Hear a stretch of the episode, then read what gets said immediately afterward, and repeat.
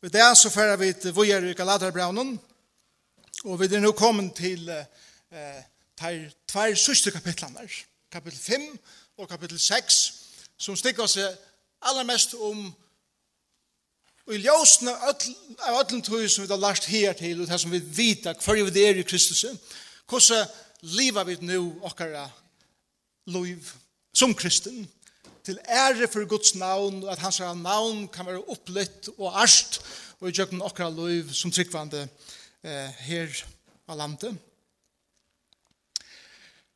For noen år siden var jeg i Kina, og i Kina hitti jeg eh, leier for kristne undergrunnssamkommene i landet. Og at høyre søvner som leierne fortalte, eh, var otroliga ramande og eisne løyingar tæra var hjärsta skjerande som vi hørte der fortelja om hva det var for, hva det var for i djøgnon fyrir sånne trygg av Jesus Kristus. Jeg minnes ein som ein av teimen som trakka opp og det var så nega søver som, som ikke minnes atler men det var ein som far opp og fortalte hvordan han i, i nekv år hei sid i fengehuset bæra tog at han troe av Jesus Kristus og at han ikke ville tia vi tog navn her som han kom. Han fortalte jo om at han, han var sett i fengehus for sånne trygg. Omstøvende i fengehusene var rævlige. Arbeidskårene var anstidselige. Han fikk arbeid til Lota som ønsken annar ville heva. Og det var å teka seg av septetankene. Det var at rensa råtankene og at syrja fyre at han var helt en Reiner, han kjørte sitt arbeid til lyta. Han tok fotla arbeid av arbeidet som han fikk. Og han sier til at jeg kom til ikke finne bedre arbeid enn at halda råtankan reinan. Vi det er kvui til at det gav meg fralse. Råtanken gav meg fralse. Ønsken vil du komme nær råtankan. Lukten av skattene var så rævlig at, at fengene vil ikke komme nær, og selv vaktene vil de heller ikke komme nær. Og det gav meg møveleikene at sinja mun er ikke sendje for herren. Det gav meg møveleikene at prysa gode pura ensamater her i øtlen eh, lukten av lorste. Men herren leie meg av hjertet at bya for menneskene og jeg be som en pura fryer mever inne i råtankene, inne i einon fangsle. Og han sier så leis, Råtangen blei min gristavur og min fralsesborg.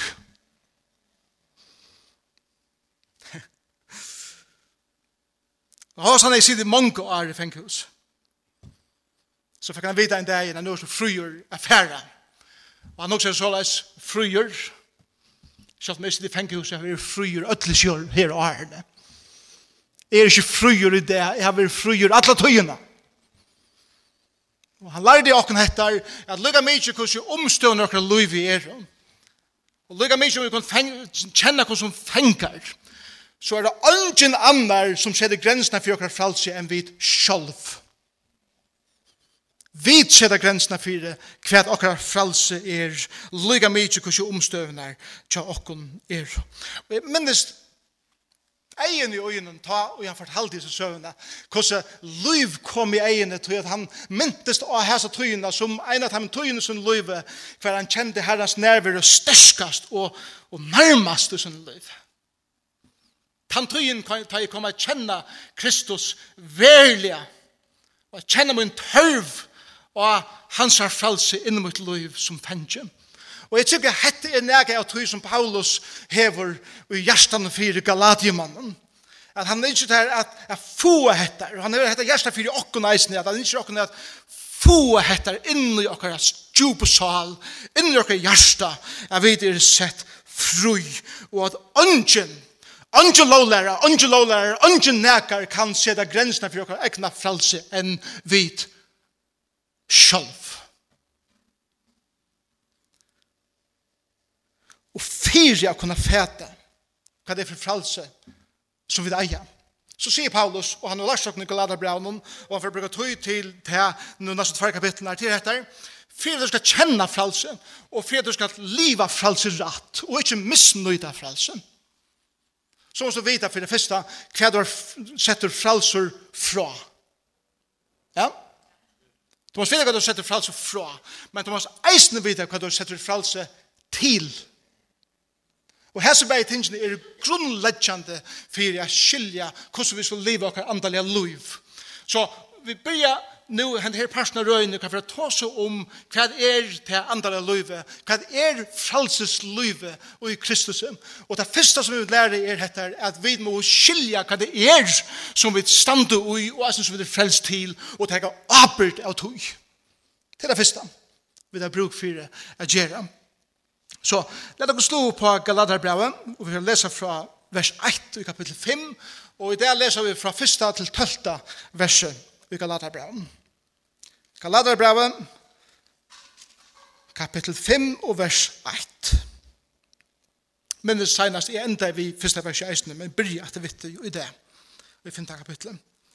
Til fralse hever Kristus gjørs okken fruer, standet i faster, og let kan ikke at du letja under treldoms og er Paulus, sier tikkun, at leta til tikkun omskjera gagnar Kristus tikkun ønske. Attor vittni er fyrir hverja manne, og jeg leta seg omskjera at han er bonden at halda lovene. Tid er skilder fra Kristus tid, og jeg vilja eh, vera rattforskjørger av lov. Tid er fallner ur nøyene. Tog vi trygg vantar vi de andan og te som rattvisen gjever okkur vogn om. Og i Kristi Jesus hever det jo ønske at tuja om ein er omskåren etla og omskåren. Alt værer om at heva trygg som virkar i karlæka. Tid våre og gåar lei. Hvor hever foradikon at akta sannleikan? Hendan ivetaling kommer ikkje fra honom, altså gode, og i katta etikken. Jeg sender av surdatje, surkar alt datje. Jeg hever til alle da etikken og i herran, at hit onge er hoksan vil jeg heva, men han og i vittletikken skal bera domsøyn hver han så er. Men jeg, brøver, præder seg en omkjering, hvor jeg ikke tatt her enn etter mer, så er jo krosser Kristus er da krosser inn, ønske, avstøyd, langer. Jeg ville at her, altså lovlærerne, skulle skåre seg sjølver sunder her og i vittleie tikkene. Og Herren sikna sutt år. Hør år som Paulus brukar her mot lovlærere og mot lovlæreren. Det aller første som Paulus sier vi okkom, sier vi til og med Markus som hever tro og Herren Jesus Kristus som tog en frelsere er du er fruer du er fralser du er frøy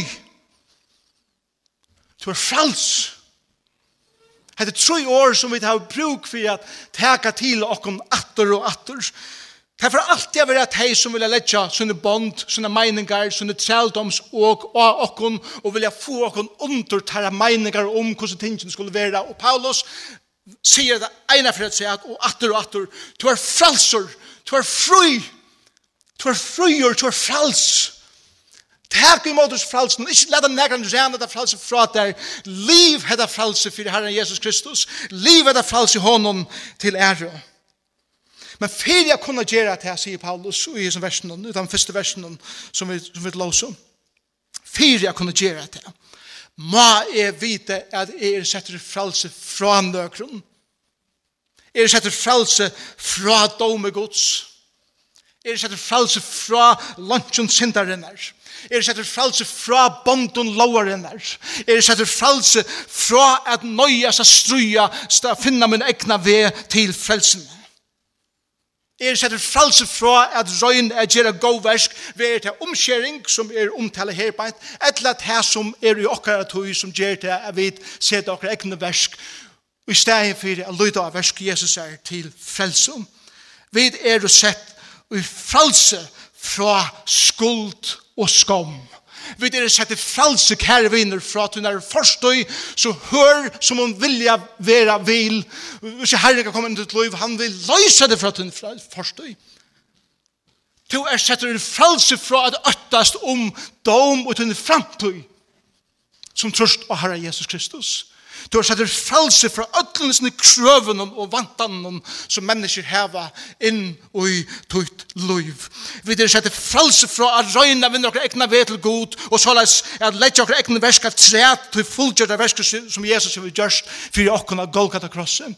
Du har sett frelse fra at øttast om at du har no-go eller no-govers. Du har sett frelse fra at øttast fyrir om nøyen omfevner til eller ikkje. Du har sett en fralse fra at leta stoffleika og fordomar og skam og engest og ensemi og øtte og hevesjuke og sturan og øtles tingene komme inn og styra tøynen løyve. Du er setter i fralse. Du er frals. Du er fralser. Du er frøy.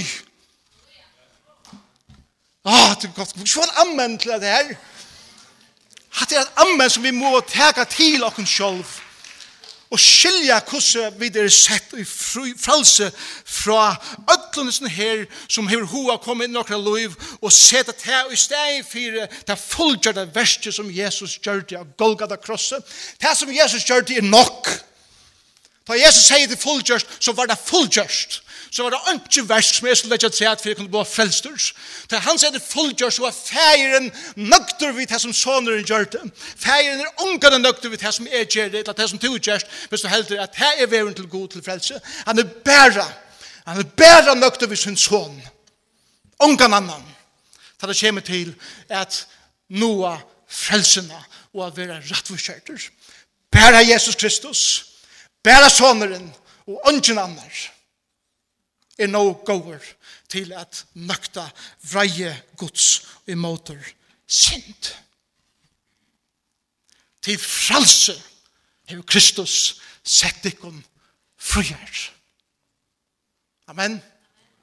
Så pekar han kroner, ja, men, jeg var fjora vers. Hva sier du til det? Fjora vers. tid er skilder fra Kristus tid, og jeg vil være rettforskjørter av lov. Tid er fallner ur nøyene. Hadde har sagt, åh, Det er ikke akkurat snakk om frelse, det er ikke snakk om hvordan fantastisk det er, og så vi er. Og til nekker imenska meninger og utleggjikar av sånne her versen, som vi halte at dette indikerer at om, om du eh, er sånn tryggvande og er nok nokta Kristus, så kan du missa frelsene, og du fettler ur nøyene, og Kristus omfører til ikke mer, du er fortaptor, og du gonger nå imot en avgjøn fortapelse. Amen. Onkur tegar hatta versu på handamatan. Jeg tegar det ikke på handamatan. Jeg tryggve, og jeg, jeg, jeg, tryggve av munnen samførda hjärsta, djupt, djupt nirri i munnen hjärsta og inn i munnen merk. Er en personer som er tro av Jesus Kristus, som sin frelser, og er endur føtter, og er finnes heilig anda som bostad i sin løyve, kan ikke missa frelsene. Herren skal føre han alla veien heim til himmelen. Hva betyr det her verset så? Jeg hadde at, at, at vi skal bare renne gjøre det så, så enkelt som vi kan, og bare si dette her. Hette verset lærer dere til tver suger av deg, Ein suger er til at han tar seg til lovlærer som, som røyner å finne sin egna ved til god, men ikke sikker var Jesus, egna, men lette verska træd. Og så tar seg eisen til deg som er kommet til trygg og har hof at strøyast vi å gjøre versk, for jeg blir god nok. Så er tversyre av sånn men jeg sier at her vi boar. Først sier han til, til de vantrykvande, er lovlærerne som enda ikke kom til trygg. Det nyttar ikke færre ut om Guds veier at finna veien til god. Er det vi? Vi kunne ikke færre ut om Guds veier at finna en vei til god. Hvis du er færre ut om Kristus er kommet til god, så, så gagnar Kristus her ønske. Så er det et skilder fra tog som han har gjørst av Golgata krossen. Om du først ut om nøyene som Herren bjøa der og røyner finne negna ved, så, så, så nytter det helder ønske. Du først ånka det å finne negra anna ved enn i jøkken Kristus og i jøkken hans herre nøye.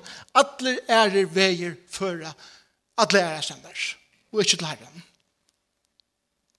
Og tog er det et skilder fra Kristus og i forveien, Og det vil ikke være en kjøttikken å komme til herren. Så vender jeg seg til tryggvande, og jeg kan vende meg til tryggvande i det, og jeg kan hitte min egen løyve og si, hva betyr så at det verset fire med, som en tryggvande person, at du er skilter fra Kristus. Om du regner ved at du kjører deg lov, og du fettler ut ur nøyene. Hva betyr det for meg? Jeg tenker det så leis. Ta vi vidt vi er endurfødt, hva er inn i en nytt paradigma. Vi, vi, vi trakker inn i et nytt land. Vi, vi trakker inn i en nytt tilvære. Tan tilværen er at lære kvile ui at nøye gods er nå stor for meg, og at Kristus er versk av Golgata Krosset er nå størst for meg, at sikva han for det kan bli frelster. Men en person som byrjar at ivast ut tog og for at hos om er i no går nok, burde ikke kanskje lagt også til seg, at burde ikke rønta gjørt hattar og hitt, og ikke gjørt hitt og hattar, for at tokna skote mer og mer. Det som han sier vi okken sikvande er til at, sjalt om du en posisjon, er til at du hører herren til, så trakker du ut ur, ur tøy, og du trakker inn i et nytt paradigma, et trakka inn en nødja tilvere som gjer til at du røyner at livet er et annet liv enn det som Herren vil kalla til til. Og til livet for er frustrerende til at du lever utanfor det som Herren vil bjåa der. Han bjóða nøye og til røyna gjerra versk. Han bjóða karlaga og til røyna gjerra enda meir versk. Han røyna bjóða sin fri, men til røyna søkja öll andre ting for jeg få fri, og til fært ikkje fæter ut tøy som han vil bjóða deg. Til røyna, til røyna, til røyna, men til først unga det fæter ut deg. Kvui, til tørst ikkje inni ui til landen, eller inni til huksnarhatten og tøy hjertalanden som gjer. At her finner nøye og her finner du fri. Og det er så nekt tryggvande, og jeg er her eisen vi for sjolver, at det røyner jeg gjerra ting, og jeg røyner oppnåa ting, og jeg vågner ni om jeg kanskje god for å klappa meg synder meg rett, og jeg skyldig ikke for god, og ikke kjem nærre, ta jeg røyner gjerra til stingene. Og jeg er frustreret over. Og han sier, ja, men du har ferden ut om nøyene. Du har ferden ut om det som, den vei som jeg har gjørst. Du har enda bygget den ekna vei til at toknes mer. Kom inn av min vei. Atter. Atter. Er det vi? Kom inn om vi ved. Det er leina som jeg har lagt. Ikke skapa dere egne veier til at dere som er. Jeg har gjørst veien, høvesveien, den eneste veien som fører av mal. Så er det ikke at det er verset til at tale til dere som er sikvant. Så, ta jeg skilje hva det er det setter frelse fra. Og jeg bør skilje hva det er det setter frelse til. Så sier Paulus i, i første verset stadigvæk i femte kapitlet. Først lette det til frelse i Kristus som fruer. Nå, nå sier han, teg apelt, Stande til faster og lete deg ikke atter letja under traldoms åk.» Teg apelt fire tøynen kristna løyve. Teg apert er standa fyrir tøy som du har finnst lagt inn og ute, tøy vidane som du har finnst fra fyrsta til og vi fjore kapittel, alt det som du har finnst herbeint. Ikke leta mekran. Ryva det fra der. Ikke leta mekran komme inn og, og byrja snikka det æra veier og så er det at du feller ut ur sin her vene som herren vi gjørst. Ikke halte og hæsum vennen er det som han sier. Nå teker Paulus tampen fram. Men jeg fortalte og i inngangen Galaterbrevet at Da vi leser Galaterbrevet så tar han bæg og jeg tror det står en karlaga til det sikvande men samtidig som han stender såleis klarer at slå av lovlæren minnes det her Nu får han ta kampen fram emot lovlæreren at. Og vi får sutja noen ting som Paulus sier. Først sutja vi i, i kjenda verset. Til våre gåar lei. Til gjengo så vel inntil lovlæreren kom inn. Hvor er det for at de kun er akta? hade år jeg forra, eller vil aha verst år, hatt et år som vi tidsi fra olympiske leiken, ta i rennar rundodist, og tar, tar, tar sprinta og tar renna for å vinna disten, og nå knappt så skjer en annar inn og skumpa det av tunnebana, så at to to annars, antal dettor, eller et eller annet gjer, at du senkast og i renningen, Det er mynder som Paulus bruker. Hvor er det som er kommet inn i rennebanen? Paulus bruker ofte til myndene om rennebanen. Hvor er det som er kommet inn i her? Hun skumpa det av venen og har tidlig gleden at renne fra der. Hvor er vi gjort det? Og løyve er jo at, at med vi, eller lykkene vi et maraton. At vi renne, og vi halda av å renne, og vi renne. Men så kommer imensk folk til først inn i akkurat livsleie. Bæra vi tøyfri eier at boom, få åken av venom, og hatt det sier Paulus, hatt det lovlæra. Såleis er det teg. Såleis er det lovlæra. Vi tror for jeg er skumpa teg som renner vel av venom, for at teg kunne fære ur dysten. Vers 9 lukna der vi surdag, a sindra og surdag, surgar alt dag. Surdag er ikke særlig lekkert at eta best. Og i jødedomen og i skriftene hele tiden vil surda ikke ofte samanbore vi nega som er skite og øyeleikjande og legger smatjen av øyelen Jødene er åtos og surka brei. Paulus sier her at han samanber lovlærum vi surda ikke. Ta han sier til så sier han at lovlærum er som surda ikke er fire gott, rent, åsurga brei, som er legger smatjen, så er det ikke lovlærer for et rent evangelium. Da jeg synes at surda kommer inn ut av rein evangeliet, så fer det en suran smakk som du er ho at spyta ut. Og det som Paulus sier er til at lovlæra søyer mergen ur beinen Og du, dette ser man. Lola er, er som å få råttnan smakk i munnen. Blå. Det er olekst. Lålæra, sier han, er som at krøsta gledjena ut ur livene til einon. Vi tror for eie at en letja som nek som mølet. Hatt det som lovlæra gjer, da vi ser det versk at træt fullkomna verste Jesus er krossen og røyna liva til livet. Det er råte liv, det er krøste gleina bort, det smakkar ytla, sier Paulus.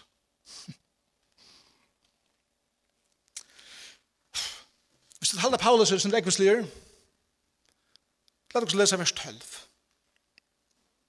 Jeg vil at her skulle skåre seg selv var sunter. Her er vittlega jeg tikkun. Jeg halte at, jeg vet ikke, jeg halte at møvlig er hatt et av de mest sarkastiske versene i Bibelen. Victor, han er omsett nok så fitt. Men vet du hva han sier, William? Han sier, tid som er så opptekner av lovlære, og vil jeg gjøre øttelse tingene for at vinna takka til herren Og så sier vi lovene, tid brenner for omskjering. Hvor stekker vi av skjere forhånd av? Hvor skal vi skjere alt? Ja. Det er sånn i Bibelen. Paul nikkar, han er specialisten i griskon. Se på den. Vum.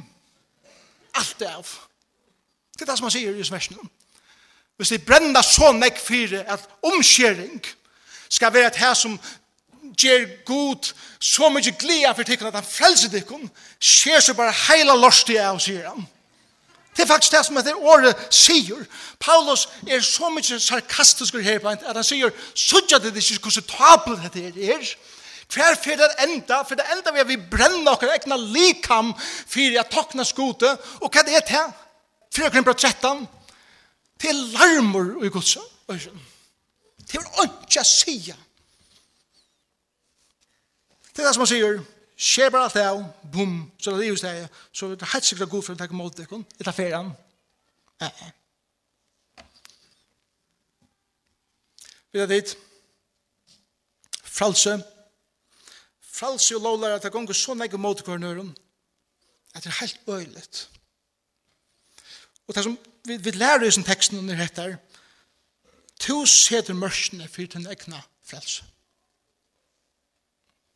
to seter mørsene vi tok seg selv ofte om det men vet du at Jesus var født som træler han har ikke hokst om det Han var kanskje ikke født som træler på den måten som vi også ofte hokser om træler, men hver gjøte var født som træler. Så det var under en herre i hånd av romverska rysjonen. For høyde at det er utrolig avmarska kjølstyr.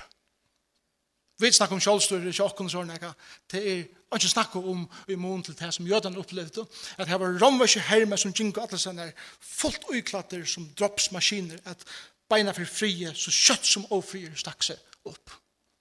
Jesus var føtter under teimen omstøren, og det som jeg kjente liv og lære Jesus her, det var at to seder mørkene for den egna frelse, ingen annar. Helt ikke rom, her hermenn som ganger her fullt våpner og klarer at at avmarska tutt fralse. Tusen i mørkene for den egna fralse, sier Jesus. Tar kunne stegga der, og tar kunne gjøre alt mulig vitt det, men tar kunne ikke stegga til den personlige fralse. Jesus lærte hatt av i fjallapredikunne. Bæg i Mattias 5 og eisen Lukas 6, ta han sier vi lærersvenner sønne her sier årene, slær anker tikkun under høgra venka, så vent honom hin vi. Jeg har jo ofta menn ta som at her, at, at hvis en slær det, så vent hin venka, og han slær atter, men Jesus sier ikke om tri fyr, så tri fyr, så smekka du atter. Skaiv utlæsing. Fast Jesus sier her, Bant, er hektar. Hugsa der, at to gonger en tur ute av en handelsgøte vi døtterdøyne. Og med en tid bare jeg ganger rundt og hittar i handlar, så kommer en, en romversker hermauer som er djupt frustreret over heimene fra og i sånne måneder, og han brukar nevan tjasar vid allmakt og smekkar der under venkan.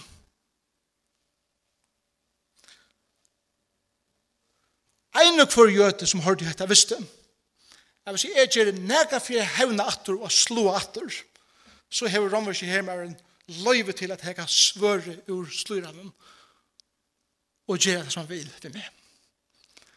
Ønsken gjør det slapp undan avleggen av et ledja av en romverskan hermann.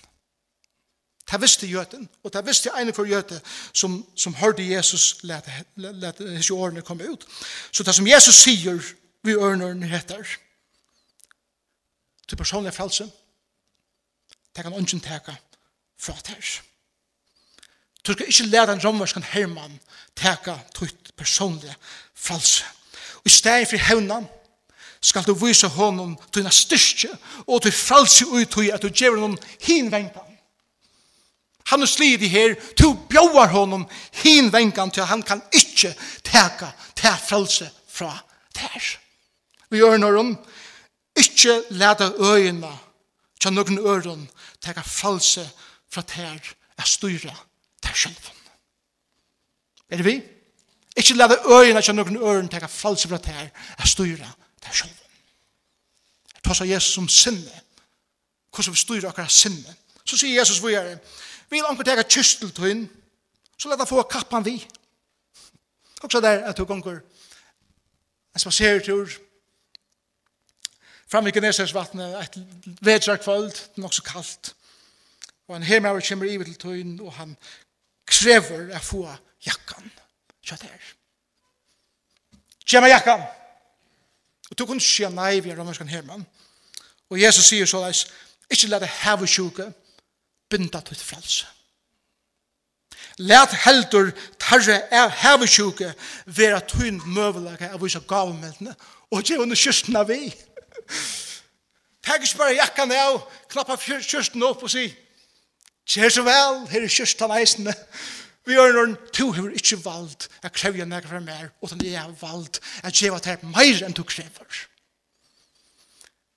Jesus står som hjerte her. Først til henne sinne, styrt henne kjenslen. Og så sier Jesus for det tida, og nøyer anker til jeg genga eina muligvis her, så gakk tver vi honom. Så, hugsa der til arbeids. Og til arbeid utenfor til en handel. Nu kommer tvær her menn vi en esle som hever en byrje oppi og la vektene, og som ber til en vittføre. Tar sier, kom her, kom her. Du skal genga en møl vi mer. Og ta teka byrjene av esen lung og legger det på herrene etter her og sier, du skal sikkert for genga en møl vi mer. Ta her romersker her med løyva gjerra ut i kulturen. Eina møl, ikke mer det. To ber at her ut og gongra en mul vitt av mannen, så sier der, fint, der er mul møyl, færen, legger den fra der. Takk så hitja der i egen og sier, jeg vil jarna genga ein mul et sett, vitt her. Tar kunne nøyda valde som tar heva i vitt her, og behandla det som er dyr. Men tar kunne ikke teka fralse, at hun vilja, at gjøre ting fra der. Og det er vi vilja at gjøre. Paulus sier her på en, Bæra tu seg det mørkene, da Jesus sier, bæra tu seg det mørkene for den egna fralse, og tu hever fralse ikke at være som teir. Og det hever viljan at gjøre. Så det Jesus lærer styrt hun sinne, styrt hun kjenslun, og styrt hun vilja. Fralse kommer inn i ødel til tingene her. Fralse er at teka mot sinne avbyrd av det, men at kjensler at teka avbyrd av det, og min vilja at teka avbyrd av min vilja. Og tog er avbjørn til Paulus og i denne her versen som vi lyser i Galaterbrevn hese, at du er fralser ikke at gjøre som du vilt. Ofta sier vi fralse er fralse at gjøre som du vilt. Fralse er eisende ikke at gjøre som du vilt. Paulus sier, standet du faster og leder den ikke atter letje under tseldoms, og sier Paulus vi øren til, og trolig myndeletje og meie i fralsenen, som bare to kan sette til en mørsk vi. Og her kjever her myndelajkan at her er avgjørner at ikke gjøre som ødel under gjøre. Fralse er at ikke at livet for seg selv og at lata og liva som ødel ånder, bare til at ødel ånder er såleis. Fralse er Kristus er at vita hva du setter fralse fra, hva du setter frelse til, og så er det at velje at livet mot til æra for Guds navn, så at Kristus er navn kan være opplett i akkurat landet og i min liv. Det var sivenja, Så en avvisen munka ordan i Europa for mange år siden, at han en ble munker, så kom han inn av klostret, og han tok sin gamla bone av, og fikk en nødjan bone, en nødjan munka bone. Men det som så hendte var til at gamle bone var hongt opp inne i skapen, inne i kameran, tja, hver munke, og skapet stod så mye åpe, at hver morgen tar i munkene vakna, jeg så det første han sa, var sin gamla bone, hengende i skapen, og det var tilvilda. Så han visste at kvann morgon har vi frelse at velja om et hertje og let meg ut den gamla bunan og færre jodoklossen eller om det hertje den nutja bunan og, og let meg ut den nutja bunan at gjerra det arbeid som er kattlar til. Og i det. Hatt det nøy. Herren sier frelse til tog mål at velja kvann det hvordan du innskjør at livet. Hvis du ikke er ferdig i gamle bonen, så trekker du ut om det paradigma, den veien som har nå sett der, og du får være frustreret. Men du har kvann den møveleikene, å at du nødje bonen, og være til ære for Herrens navn, her som du kjenner. Du har frelse til det. Og du er endelig så såleis. Du hever en veldig myndeleika, og en veldig møveleika, hvordan du innskjer livet til liv til fralse. For Herre Jesus. Fralse gjevet her myndeleikan kvønde at fyregeva heldur enn at fordøme. Kvønde at njóta livet heldur enn at spytla det bostur. Kvann det er standa opp for denne samfunnet heldre enn at røyna at toknast øron menneskjum. Kvann det er at heva dirve heldre enn at øttast. Kvann det er at elska andre heldre enn at elska til sjolvan. Kvann det er at oppbyggja heldre enn at nyekjera. Kvann det er at oppmuntra heldre enn at finnes det at. Kvann det er at tjena heldre enn at, enn at, enn at sløtja. Heldre, kvann det er djeva heldre enn at osla. Kvann det er sikna heldre enn at hevna. Kvann det er gleast heldre enn at grenja. Kvann det er at liva for god heldre enn at liva fyrir til sjølven. Hatt er fralse som okkun i kjive og i herranen. Kvann det er. Og tog sier Paulus i vers 5, og skal enda vis ned, og vers 6, såleis. Tog vi trygg, vanta vid i andan og teg, som rattvisen gjør okkur vån om. Og i Kristi Jesus hever jo til ønske at tøya om en omskåren eller omskåren. Alt verer om at heva trygg som virkar vi kærleika. Vi gjør i Norden, kristna løyvi er at liva i vånene om at ein dag skal jeg sutja herran anlit til anlit. Og tann vånen, og tann vidanen, etjar med til at kvøndi at liva mot liv vi trygg av Herren Jesus Kristus. Og i kraft heile andans, vi mun egen vendun at tæna gode, og min egen udetter at elska mine brøver og systre som er ferist i måter heimlanden til. Det er til livet som Herren har kallat til at liva fyrir seg. Først må jeg vita nekka. Hva er det setter fralse fra, og hva er det setter fralse til? Så innan må jeg avgjøre at jeg har habbert for tog som er eie. Vi tar oss senast om at fralse skal verjast, og i det tar oss om at fralse skal livast. Neste fyrir tar oss om at fralse må ikke misnøytast. Det skal nøytast, men ikke misnøytast. Og det er en veldig avbjørning som eisende til kristne livet her for okkom at livet. Amen.